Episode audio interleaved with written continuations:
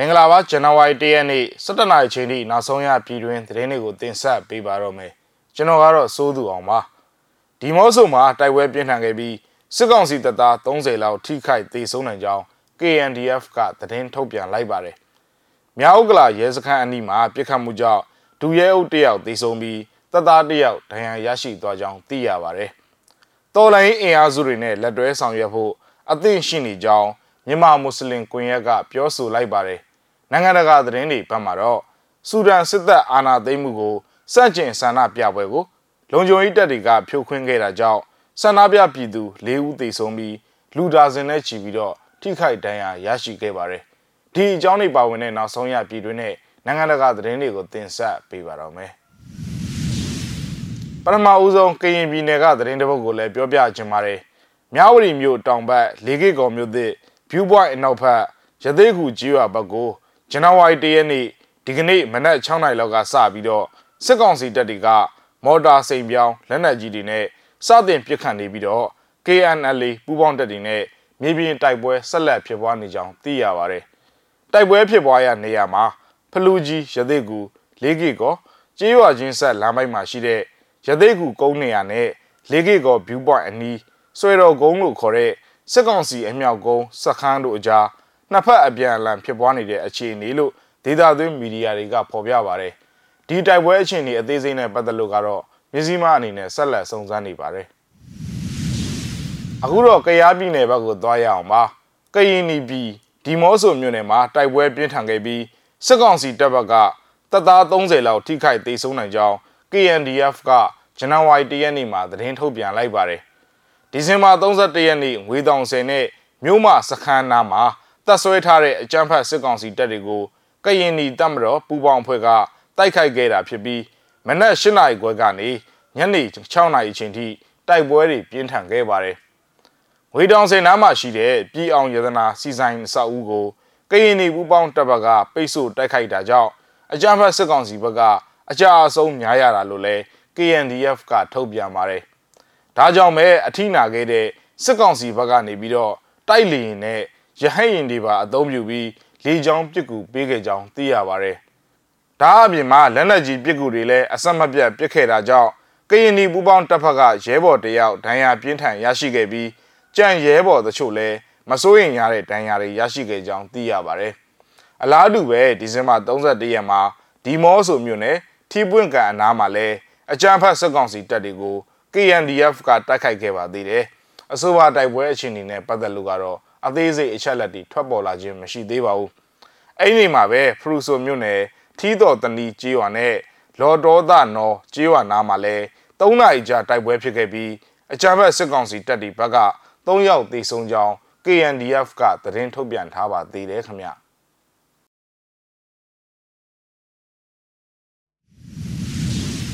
အခုတော့ရန်ကုန်ဘက်ကိုသွားရအောင်ပါရန်ကုန်တိုင်းဒေသကြီးမြောက်ကလာပါမြို့နယ်ခေမာတီလမ်းပေါ်မှာရှိတဲ့ မြောက်ရတနာရဲစခန်းစခန်းကူးနဲ့အနီးတစ်ဝိုက်မှာပြစ်ခတ်မှုတစ်ခုဖြစ်ခဲ့ပြီးဒူရဲအုပ်တယောက်သေဆုံးကစစ်ကောင်စီတပ်သားတယောက်ပြင်းထန်ဒဏ်ရာရရှိခဲ့ကြောင်းသိရပါတယ်။ဒီဇင်ဘာ31ရက်နေ့ညနေပိုင်းမှာဖြစ်ခဲ့တဲ့အဆိုပါဖြစ်စဉ်အတွင်းဒူရဲအုပ်အောင်ကျော်ဦးကြည်စံထိမှန်ဒဏ်ရာနဲ့မြောက်ကလာပစေယုံကြီးအရောက်မှာသေဆုံးပြီးစစ်ကောင်စီတပ်သားအီးမောင်ဟာပြင်းထန်ဒဏ်ရာရရှိခဲ့တာပါ။ဒီအပြင်မှာအဆိုပါပြစ်ခတ်မှုတွေကြောင့် လမ်းတော်လမ်းလာကားတစ်စီးရဲ့ကားမှန်ကိုကြည်စံထိမှန်ပြီးမှန်စားဆင်လာကြောင်းအနီးနားကပြည်သူတယောက်ဒဏ်ရာရရှိခဲ့ကအသက်88နှစ်အရွယ်အဖွားအိုတယောက်မှလည်းနှလုံးရောဂါကြောင့်လန့်ပြီးတော့တိတ်ဆုံးခဲ့ရကြောင်းသိရပါတယ်။ဒီဇင်ဘာ31ရက်နေ့ညမှာပဲမြောက်ကလာပါမြို့နယ်6ကွေဂတ်ဆိုင်နားမှာဘုံပေါက်ကွဲမှုတစ်ကြိမ်ဖြစ်ပေါ်ခဲ့ပါသေးတယ်ခင်ဗျ။တော်လန်သောနှစ်သစ်2022ခုနှစ်မှာ ဆေးရနာရှင်အမြင့်ပြတ်ခြုံငင်းရေးအတွက်အရေးတော်ပုံတပ်သားတော်လှန်ရေးအင်အားစုတွေနဲ့လက်တွဲဆောင်ရွက်ဖို့အသင့်ရှိနေကြောင်းຫນွေဦးတော်လှန်ရေးမြန်မာမွတ်စလင်ကွန်ရက်ရဲ့နှစ်သက်ကူတော်ဝင်လွှာမှာရေးသားဖော်ပြထားပါတယ်။ရင်းတော်ဝင်လွှာမှာဆေးရနာရှင်စနစ်အမြင့်ပြတ်ခြုံငင်းရေးအတွက်ရရလက်နက်ရရနီးမျိုးစုံနဲ့ကြာရအခန်းကဏ္ဍကပူးပေါင်းပါဝင်တိုက်နေကြတဲ့ပြည်သူတွေအလွာဆုံးကအရေးတော်ပုံတပ်သားတွေအားလုံးဘေးကင်းလုံခြုံပါစေကြောင်းနဲ့ မတရားဖမ်းဆီးခံရတဲ့နိုင်ငံရေးအကျဉ်းသားတွေအားလုံးချွင်းချက်မရှိပြန်လဲလွတ်မြောက်နိုင်ပါစေကြောင်းတဝင်လွာမှာစုမုံကောင်းတောင်းထားပါတယ်ကျွန်တော်တို့တိုင်းပြည်မှာပန်းတိုင်းပွင့်ကြပါစေဆိုပြီးဆုတောင်းပါတယ်ဒါကငကိုရည်ရွယ်ချက်ပါမြန်မာနိုင်ငံတော်ဝါမှာပြည်သူတော်လှန်ရေးတရက်အနေနဲ့ခုခံစစ်ကိုဆင်နွှဲနေရတဲ့အချိန်ဖြစ်တယ်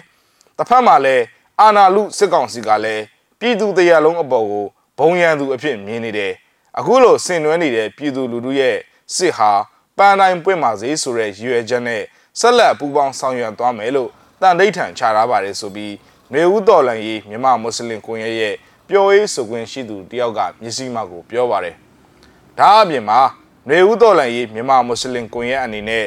စုံလင်ကွဲပြားတဲ့လူမျိုးဘာသာတွေအကြားခွဲခြားဆက်ဆံမှုတွေမရှိဘဲလွတ်လပ်ပြီးတော့တရားမျှတတဲ့အနာဂတ် Federal Democracy နိုင်ငံအသစ်ကိုအတူတကွတည်ဆောက်ဖို့ ရည်ရွယ်ချက်တူတဲ့တော်လှန်ရေးအင်အားစုတွေနဲ့လက်တွဲဆောင်ရွက်ဖို့အလေးအနက်ဆန္ဒရှိပါကြောင်းရေးသားဖော်ပြထားပါတယ်ခင်ဗျ